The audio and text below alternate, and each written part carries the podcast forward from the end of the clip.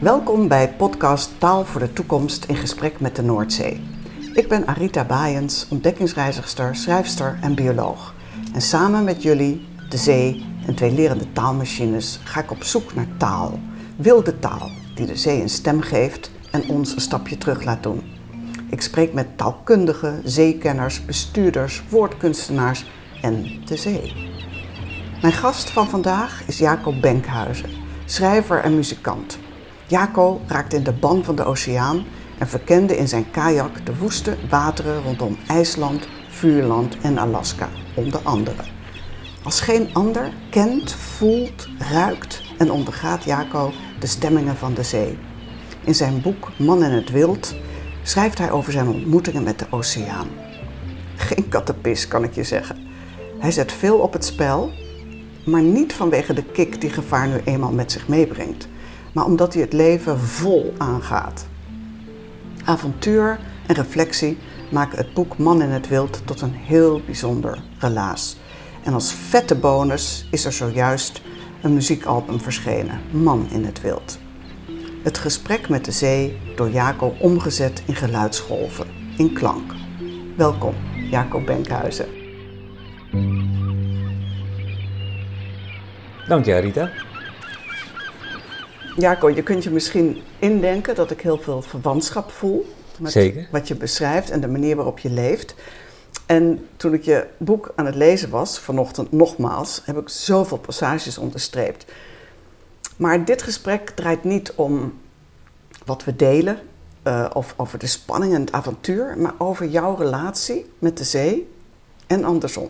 Want de zee heeft jou ook leren kennen. Mm Heb ik een eerste vraag waar je liefst een kort antwoord op geeft. Is de zee je geliefde, je moeder of een grote onbekende? Uh, ja, uh, je, mijn eerste gedachte was mijn moeder, denk ik, omdat we daar, daar vandaan komen en omdat de moeder natuurlijk ook op een bepaalde manier je geliefde is. En uh, groter dan jij, want je komt uit haar voort, dus een soort onbekende. En ja, dus op een bepaalde manier alle drie, maar als ik zou moeten kiezen, dan zou ik wel zeggen moeder, ja. Dank je. Neem ons mee. Wij zitten lekker comfortabel of we liggen in bed, maar jij vaart Mm ergens, de grote oceaan, in de buurt van land. Dat is een enorme ketting van eilandjes. Ik stel me nu de Aleuten voor. Ja. En die eilandjes verbinden de kust van Alaska met Rusland, aan de overkant van de Beringstraat.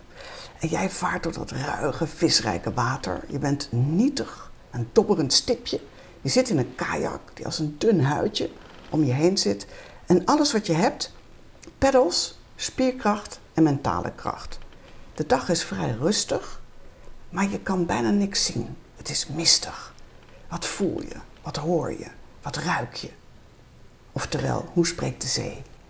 Ja, nou, ehm, ik kan me dit soort momenten wel voor, uh, nog voor de geest halen. Want de momenten dat de zee heel rustig is en het uitzicht enigszins belemmerd door nevels, zijn vaak de meest bijzondere momenten. Um, de zee kennen we natuurlijk als, uh, vaak als heel voelig en, en, en, onstuimig. En dat wordt er ook vaak, hè, dat beeld komt vaak naar voren met branding. Maar de zee kan ook echt doodstil zijn, echt heel erg stil. En ja, het bijzondere is dat dan eigenlijk alle normale ankerpunten om je heen wegvallen. Je ziet soms de zon een heel klein beetje door door, de, door de nevels heen gaan, maar soms ook niet. De, zon, de, zee en de wolken, de nevels krijgen dezelfde kleur. Dus op een bepaalde manier denk je wel, kun je, het niet goed meer zien. Er is ook geen horizon natuurlijk. Of de zee, waar de zee ophoudt en wanneer, waar de lucht begint. En dat is natuurlijk bijzonder dat je met je kajak over die zee, je, je krijgt, hé, hey, ik vaar eigenlijk over de bodem van een, van een zee van lucht. En op de oppervlakte van een zee van water. En um, ja, geluiden worden gedempt. Uh, en in die zin, en het is natuurlijk daardoor heel stil. Dus op een of andere manier, ja, en bijzonder is ook, je, dus allerlei uh, dimensies, ankerpunten verdwijnen en um, ook de afstand verdwijnt. Omdat je natuurlijk, als je lang kajakt, ik had, op een gegeven moment een oversteek van ongeveer 26 kilometer van het eiland uh, Unalaska naar Umnak. En daar, daar was het mistig. Ehm, je ziet niet dat je, dat je vaart, omdat de, je omgeving hetzelfde blijft, hoe, hoe lang je ook peddelt. Dus op een bepaalde manier valt ook het hele idee van afstand en tijd weg. Ja, en dan ben je in een, uh, ja, ik, ik heb dan vaak het, de fantasie dat ik op een soort vreemde planeet ben, die gewoon die alleen maar uit water bestaat en, en, en nevels, zoiets. Waar let je dan op? Ruik je die zee dan? Let je op de kleur of verdwijnt ook dat? Ben je gewoon puur aan. Je, je moet er natuurlijk wel bijblijven met je geest, maar. Ja, het licht en de ruimtelijkheid is iets wat uh, veel indruk op je maakt dan. Dus uh, um, het zijn ook momenten dat ik vooral let op de geluiden. En dat is ook bijzonder. Want soms, ik ben wel eens op, bij een oversteek geweest van een baai. Dat ik dacht, oké, nu ik heb het gevoel dat het nu echt doodstil is. Uh, even de kajak stilleggen, want die druppelt natuurlijk en de peddels maken geluid. En oké, kan ik nou echt even gewoon helemaal niets horen? En dan zijn er inderdaad momenten, ja, je weet het nooit helemaal zeker, want uh, ja, je hebt soms van die geluidjes in je hoofd, maar je denkt, nou, dit is gewoon echt doodse stilte midden in de natuur. Dus, dus uh, ja, en geuren heb je zeker ook in, uh, aan de zee natuurlijk, maar vooral als je, in het begin, als je het water weer opgaat, dan, dan ruik je die zee en dat heeft een andere, ja, in de loop van de tijd iets vertrouwds gekregen ook. Stel dat we nu naar een andere plek gaan, een andere situatie. Je hebt er natuurlijk duizenden, maar nu um, is het een hele woelige dag. Veel wind, ruige golven, rotsachtige kust. Als je kajak kapot gaat bij de klos, hoe ben je dan in relatie met die zee? Hoe lees je die zee? Ja, dat is een heel ander, ander verhaal inderdaad. En ik moet terugdenken aan, ik denk dat het twee jaar geleden was, toen ik in IJsland was. In het noordwestelijke puntje, Hornstrand En daar, ja, de, de kust is daar heel erg, uh, bestaat uit fjorden. Dus je moet telkens om een bepaald fjord, om een grote uh, landtong heen, van, van, van kliffen eigenlijk. Dat zijn, uh, ja, dus... ja, van, recht in zee. Die recht in zee gaan. En dat zijn een soort vingers van een hand. Dus je moet telkens, als je verder wilt, om zo'n grote kaap heen, zeg maar. Die, die alleen maar bestaat uit rotswand. En uh, er was mij al gezegd, nou, dat, het weer kan wel slecht worden binnenkort. Maar ja, dan wordt op een gegeven moment ook wel de, de, de, het verlangen in je wakker om je dan maar eens te meten. Om dan, uh, ja, je zou kunnen zeggen, een soort conversatie aan te gaan met de golven van de zee. En uh, te kijken of dat inderdaad, uh, hoe, hoe, dat is. En het bijzondere van een kajak vind ik altijd, daarom vind ik het ook een geniale uitvinding, is dat die, zijn kracht is dat hij zo klein is en zo kwetsbaar. Als je, ik heb al gesproken met zeilers, zeezeilers, die uh, in de buurt van Vuurland, en die hadden het over hun, die zeiden maar, is, dit moet verschrikkelijk gevaarlijk zijn, want als het gaat stormen, dan dit, dan dat. Maar toen kwamen we erachter dat een, een, een zeilboot eigenlijk kwetsbaarder is voor golven. Vooral in de buurt van de kust. Ze kunnen namelijk op de, op de rotsen slaan.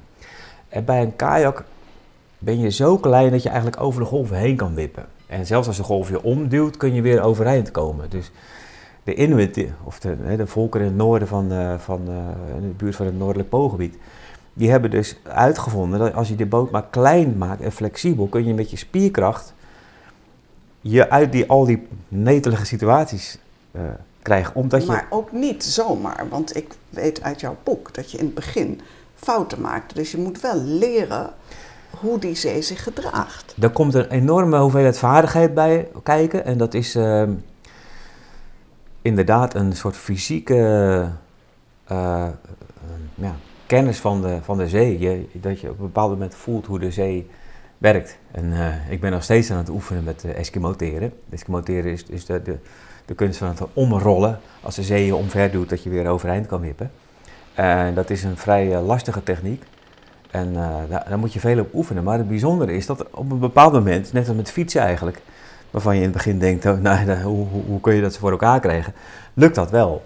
Is het dan zo dat je Kijk, wij zijn gewend dat als je dingen wil leren, dan doen wij dat voornamelijk via boeken en colleges en weet ik veel. Maar het lichaam is natuurlijk bij uitstek een manier om de wereld te kennen. Jazeker, ja. Ja, en ik, ik had die ervaring natuurlijk ook omdat ik muzikant ben, pianist. Dus ik was al vanaf het begin, uh, ja, dat ik me zeg maar, echt heel serieus met muziek bezig ging, vanaf mijn 16e, 17e. Bezig met hoe kan ik de juiste klank krijgen uit dat instrument. En, en dat heeft alles met nou ja, niet alles, maar heel veel met techniek te maken. Het heeft te maken met wat je zou willen horen, maar daarna, hoe krijg je dat, dat, dat hele motorische systeem zo dat het subtiel genoeg is en accuraat en, en, dat je er voldoende controle over hebt. Dat je die piano zo kan beroeren, dat die mooie klanken eruit komen. En dat, was niks, dat is niks anders, kwam ik op een gegeven moment achter, dan een continue interactie aangaan. Dus spelen, luisteren, nog een keer proberen, continu iets doen. En langzamerhand merk je dus dat je lichaam reageert met, met zijn zenuwstelsel en met zijn spieren. Dat het lichaam op een gegeven moment begrijpt hoe je, hoe je omgeving op jou reageert. En iets dergelijks, ja, wat ik met de piano heb ontwikkeld. Dat je eigenlijk uh, op een gegeven moment de controle bijna los kunt laten. Je alleen maar kunt richten op wat je hoort. En dat je, je de rest van je brein en je spierenstelsel en je botten gewoon weten wat ze moeten doen om die klank tevoorschijn te krijgen. Ja, iets dergelijks geldt ook voor als je met de kajak op zee gaat. Je hebt de kajak, je hebt de peddel en je hebt je eigen lichaam. En omdat de kajak zo klein is uh, en dus uh, te, manipuleren met je eigen lijf, dat is het grote verschil met een roeiboot of een zeilboot of een uh, olietanker, dat je op die manier dus um, ja, de, een hele directe interactie met de zee gaat. En omdat ik een vouwkajak heb, is dat nog extra bijzonder, want dat is een, een, een, frame met een dunne huid. Dus het is echt een heel dun bootje eigenlijk. Oh, nou, als, je, als je het over de, de storm hebt, ja. is dus het bijzonder dat, dat die golven... over die storm. Ja, ja even, het waren we bijna vergeten. was ik bijna vergeten. Die golven zijn op een gegeven moment zo hoog, dat, je, dat ze eigenlijk geen gevaar meer voor je vormen. Want die golven tilt je op en die, uh, die legt je weer neer, als het ware. En dan komt er een moment dat je gewoon, net als bij fietsen, eh, als je merkt, ik kan zonder handen fietsen, of uh, weet je, ik kan gewoon met mijn heupen boot in mhm. beweging houden. Dat krijg je dan ook met de kajak. Dus je som, voelt soms achter je dat een golf de, de achtersteven optilt. En je ziet dat niet, maar je voelt het. En je merkt dat je, ja, je heupen eigenlijk alweer reageren om dan te zorgen dat je, dat je niet omgaat. En dat is natuurlijk het gevoel ja, wat misschien een ruiter te paard ook moet hebben. moest ook aan denken. Ja, het is een dans, uh, als het ware. Hè? Ja, ja en dan, ja, dan, dan, ik weet nog wel de eerste keer dat ik dat deed zonder dat ik zozeer nadacht over taal en zee. Dat ik toen dacht, ja, eigenlijk is het een soort conversatie met de golven van de zee, maar dan op een heel uh, fysiek uh, level.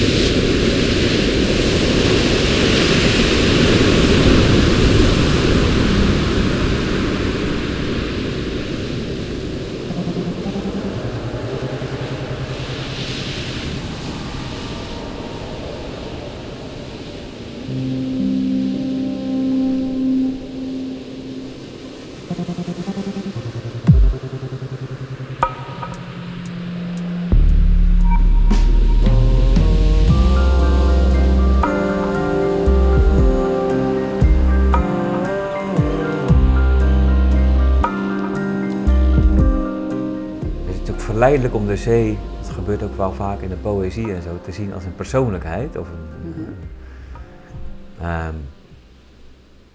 ik heb er wel over nagedacht, maar ik, wat mij betreft is de zee geen persoon, maar, maar de zee is wel een, een entiteit die, die uh, ja, zich op een bepaalde manier gedraagt, waar je dus terdege rekening mee moet houden.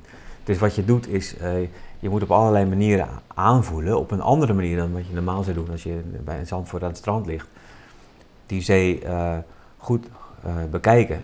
Uh, ja, wat ik doe als ik wakker word, is natuurlijk het eerste wat je doet, is kijken naar het weer. Dan moet je kijken wat de getij is. Als je, meestal weet je dat wel ongeveer, maar is het app, is het vloed. dat is al alleen al belangrijk om hoe, waar je, je, je kajak precies neerlegt s'nachts. dat zodat hij niet wegdrijft. Um, en je, dan heb je nog te maken met andere stromingen natuurlijk. En met, ja, dus dus veel van die dingen bekijk je wel. fysieke kenmerken, als het ja. ware. Ja, dus... Maar is de zee voor jou onpartijdig? Uh, in de zin van ja, wat er met jou gebeurt, zal die zee worst wezen. Maar jij, het is aan jou om mee te bewegen met de zee? Ja, dat denk ik eigenlijk wel. Ik denk, uh, de zee, het is natuurlijk wel... Dus ik dacht, ik heb jouw uh, essay natuurlijk gelezen en je had het over de bezieling van dingen. En ja, als je op zee zit en als je zo lang met de zee bent, dan heb je, krijg je inderdaad het gevoel dat die zee ehm, ja, een soort van persoon is die iets met jou doet. Dus die zee uh, doet bepaalde dingen, je, je, je, voelt er haast een intentie achter en, en je moet met dat gedrag van de zee rekening houden. Ik kijk als ik langs de kust vaar naar hoe de golven uh, zich gedragen, zodat ik kan zien of er onder, die, onder de oppervlakte misschien scherpe rotsen zitten en dergelijke. Dus dat zijn allemaal dingen waar je, waar je naar kijkt.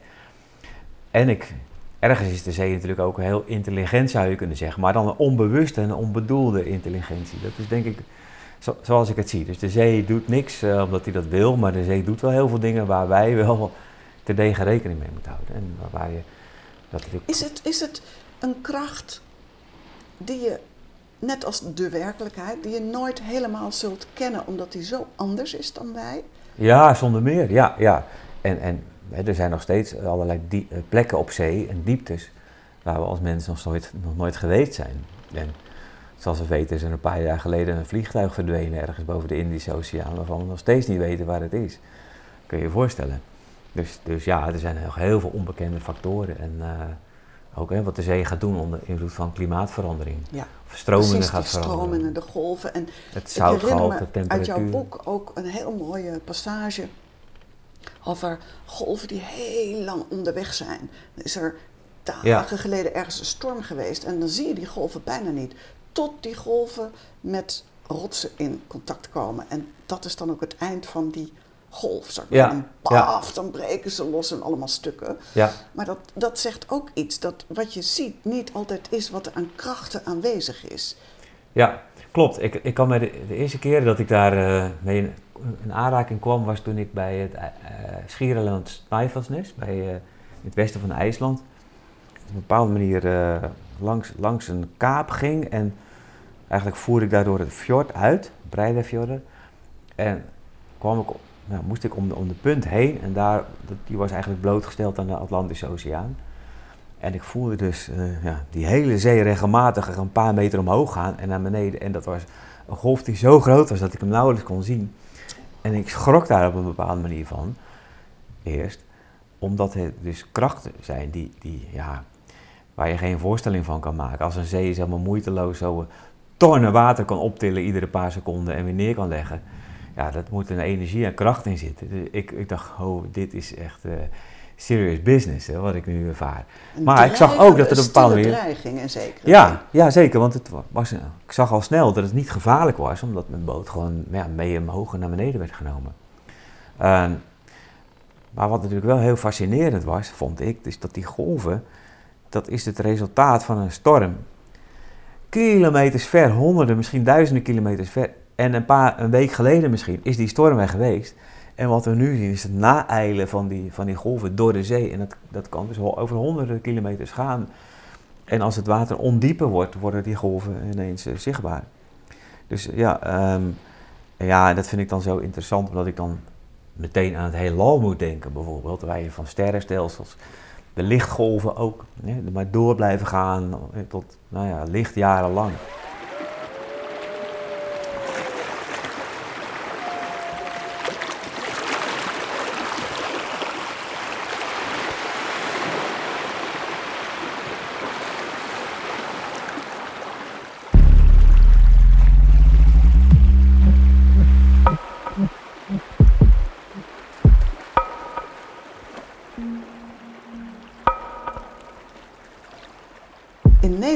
Kijken we naar de zee die tegen onze dijken aanklotst. En wij noemen dat de Noordzee.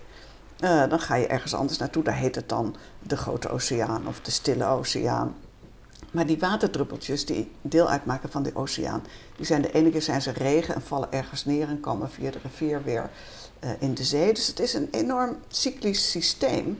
Heb je daar uh, ook het gevoel van dat je daar deel van uitmaakt als je in je kajak ronddobbert? Dat, dat het eerder een, een heel groot lichaam en een cyclisch gegeven is dan iets lineairs. Ja, ik zie er zeker niets lineairs in, in de zee. Um, al, alleen al omdat je natuurlijk met, ja, dag en nacht bent, continu, met getijden, hè, die een frequentie hebben van, uh, uit mijn hoofd gezegd, zes uur en een kwartier. Dus lang niet helemaal parallel lopen met, uh, met de dagen zelf.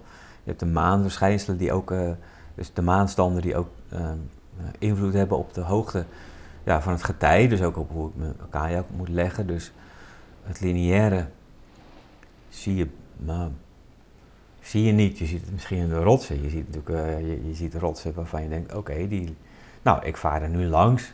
En waarschijnlijk is deze rots hier al een, een, paar miljoen jaar. Ligt hier gewoon rustig. En is door haast nog niemand bekeken.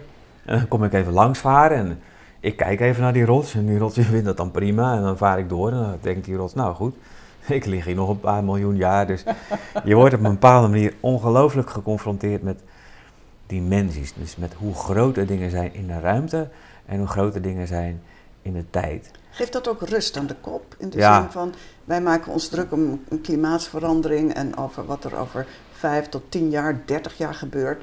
Maar dat je dan ziet dat in het grote geheel, ja, het gaat gewoon voorbij. Het maakt die zee waarschijnlijk weinig uit. Nou, inderdaad, dat is, uh, dat is vaak het bijzondere. En ik had het vooral uh, een van de laatste dagen dat ik op de Aleute aan het varen was, waarbij ik uh, ja, twintig dagen alleen was geweest.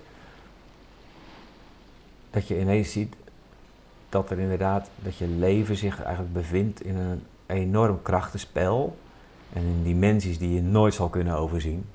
Qua, qua tijd bijvoorbeeld. En, en um, en dat gaf mij rust. Niet omdat ik, hè, je zou ook kunnen voorstellen dat je er angstig van wordt. Van ja, je bent eigenlijk willoos eh, tegenover, ik noem maar wat, je eigen veroudering.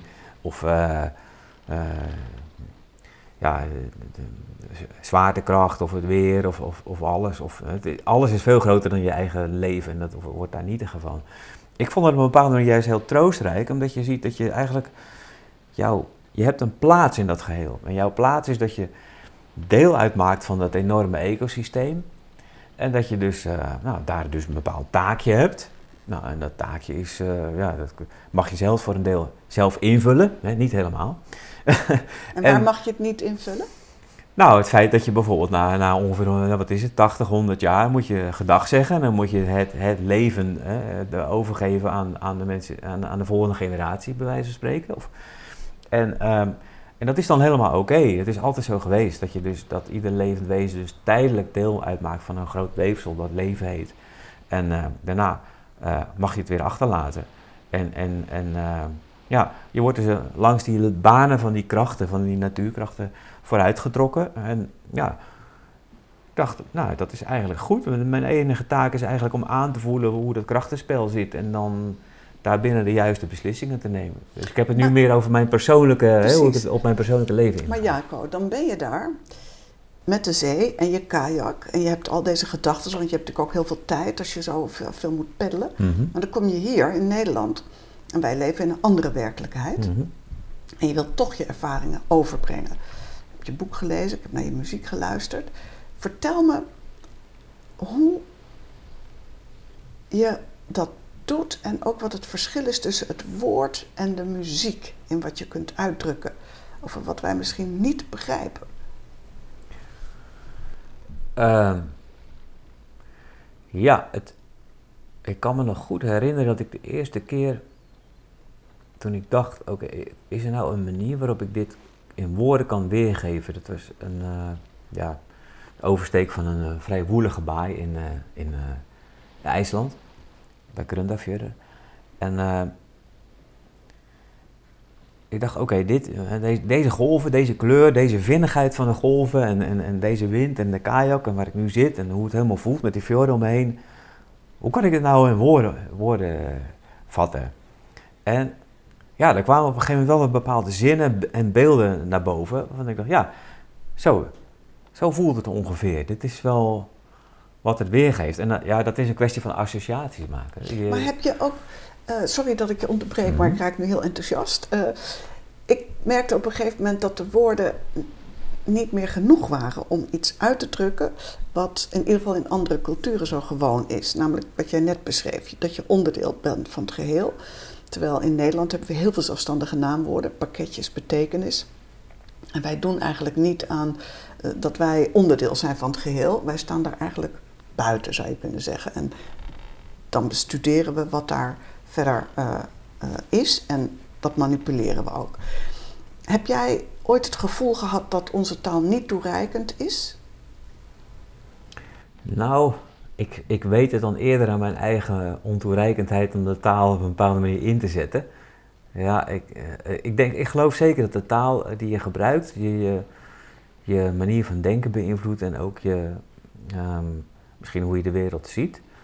Maar wat ik het mooie van taal ook wel weer vind, is dat het een bepaalde uh, poëtische uh, kracht heeft. Dus je kunt ook bepaalde woorden met elkaar combineren, bepaalde constructies gebruiken, waardoor je nieuwe betekenissen krijgt. En dat Ja. is dan wat ik, ja, eh, wat ik heb, eh, waar je meteen eigenlijk op uitkomt als je, ja, zoals ik zei, bijvoorbeeld bij zo'n mistige zee waar de, waar de, waar de zon langs eh, doordringt. Oké, wat is nou een manier om, om dit gevoel weer te geven in, in, in, in woorden? Dus ehm, dat vind ik wel de kracht van, van taal. Maar je bent ook bij muziek weer uitgekomen. Ja. Omdat de zee, de zee spreekt niet in woorden, is Nee. eerder ritme, Ja. klank, eh, beweging. Wat, Ja. is- wat maakte dat je naar de muziek ging? Ja, eh, ten eerste omdat ik, ja, eh, eigenlijk muziek, ja. Dus ik heb natuurlijk lange tijd, eh, nou ja, ik, ik, heb, ik ben van, van ouds bezig met twee manieren me uit te drukken. Ja, ja, twee, misschien is het mijn lichaam de derde, maar me, me uit te drukken via muziek en via taal. En toen ik het via taal had gedaan, ja, was ik eigenlijk ook wel nieuwsgierig hoe dat in de muziek zou kunnen. Ehm, en, maar het leek mij in het begin, ja, wat, wat, wat ik bijzonder vind van, van de natuur, is dat de natuur op een of andere manier heel anoniem voelt. Je hebt er een hele intieme relatie mee. Je, voelt, je, je kijkt van het kleinste detail waar je mee te maken hebt, tot het grote geheel als het weer en het getij. Al die dingen, ja, die, die neem je in je op en dat wordt voor een paar weken je metgezel. Maar je hebt een gevoel van anonimiteit, omdat het, de zee langduriger is en groter en, en, en, en stil is. Zelfs vaak dieren. Ik heb een paar keer gehad dat een walvis vlakbij mijn, eh, mijn kajak even naar boven kwam, uitademde, weer inademde en naar beneden ging. En die walvis laat zich niet zien. Die kijkt niet naar je, je ziet zijn oog niet. Je eens eventjes laat even zijn, zijn, zijn, zijn donkere rug zien en, en, dan is, is dan weer weg. En dan denk ik, ja, die walvis is voor mij, hoe dichtbij ook, blijft een anoniem persoon. En omdat ik in de muziek veel bezig was geweest met songs, bijvoorbeeld met Alex Roeka en, en mijn eigen songs. Song is vaak een heel eh, expliciet, handelt bijvoorbeeld over jou in relatie tot iemand anders. En eh, gaan over hele ja, eh, persoonlijke relaties. Maar oké, ik dacht ik, als ik nou in de muziek wil uitdrukken, ja, hoe dit juist dat, dat anonieme van de zee, Ah, ja. dat was voor mij een, een vraag. Mensen vroegen wel aan mij, oké, eh, nou, Jacob, leuk, maar schrijf je ook muziek? Schrijf je niet eens een liedje over de zee? Ik denk, ja, hoe kan ik nou een liedje over de zee schrijven? Van ja, ik zit hier op zee en ik voel dit. Een liedje, een liedje of een song is dus niet de vorm. Ehm, maar er bestaat natuurlijk ook heel veel instrumentale muziek. En ik dacht, ja, misschien moet ik het meer daarin zoeken. En Zullen toen, we dat ook laten horen? zeker, En heb je dan iets eh, wat je het liefst zou willen laten horen? ja, eh, dus, ja, zeker.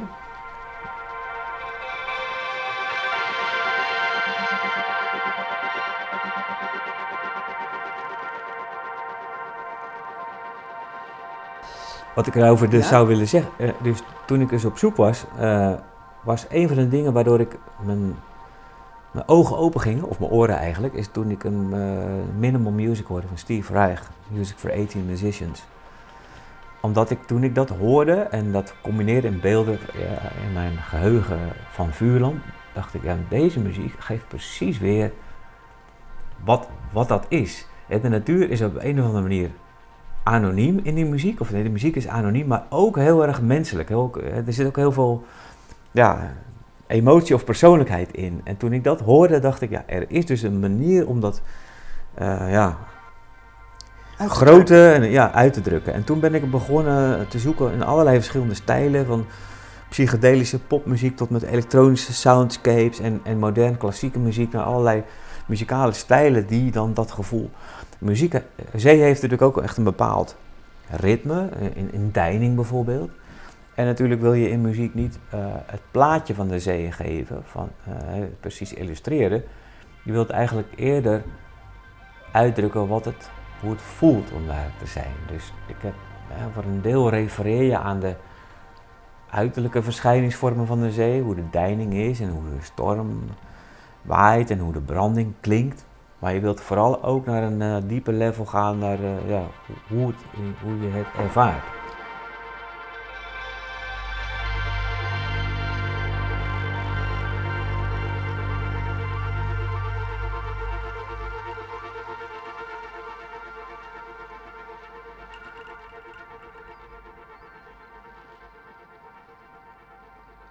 Welke tip heb je voor mij of voor ons bij die zoektocht om ons met de zee te verstaan op een manier die de zee recht doet?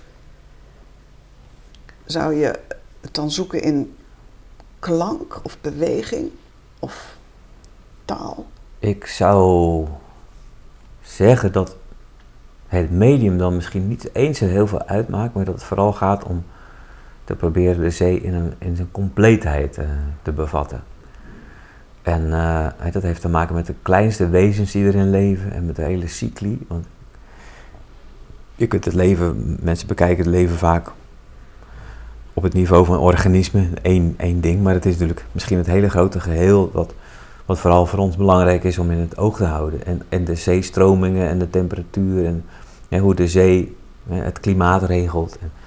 Dus, dus uitzoomen en, en inzoomen, maar nooit alleen maar inzoomen op dat kleinste detail, maar steeds voor. De, de grootste dingen, ja. En, en natuurlijk, de zintuigen helpen daar enorm. Want als ja. Dat is niet voor niks dat mensen graag strandwandelingen maken. Je, je voelt al de zee en, en, en als je de zee gewoon, oh, ja, je gaat zwemmen of gaat varen of, en ook overleest en uh, ook de dieren ziet erin. En als je dat ziet, dat er gewoon één ding is, de zee, die al die dingen bevat, dan kun je denk ik een, uh, ja, en, en, en, je, eigen plaats ook in dat geheel uh, leren kennen. En ook weten hoe je het beste met, met dingen als de zee kunnen omgaan. Omdat we langzamerhand wel op een bepaalde manier invloed beginnen te krijgen. Wezenlijke invloed op de zee. Oké, okay. dankjewel Jacob Benkhuizen. Heel graag gedaan.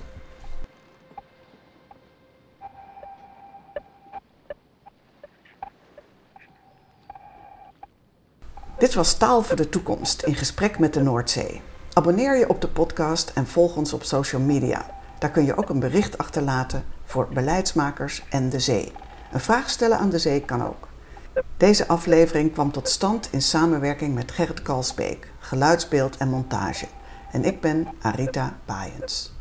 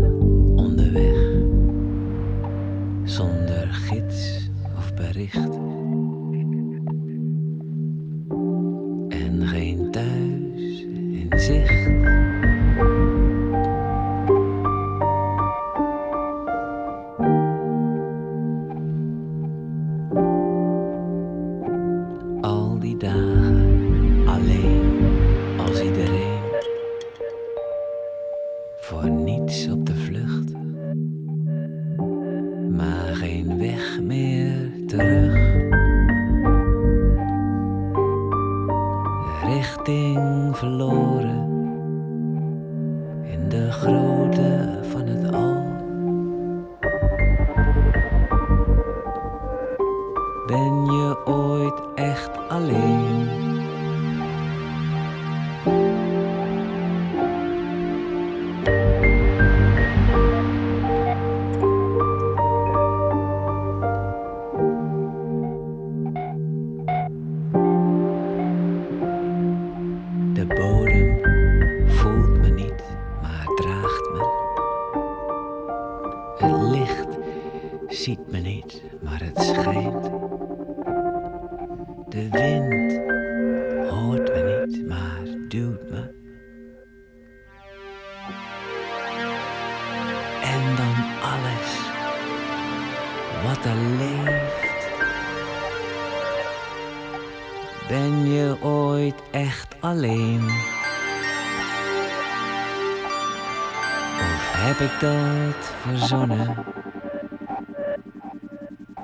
Zijn we ooit echt alleen?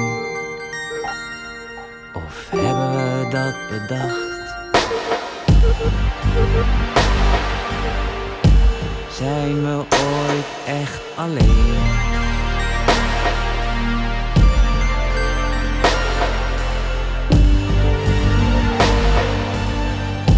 Zijn we ooit echt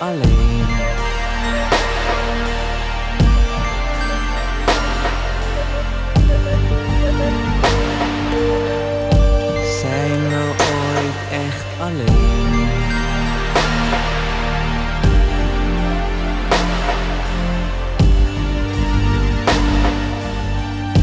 Zijn we ooit echt alleen?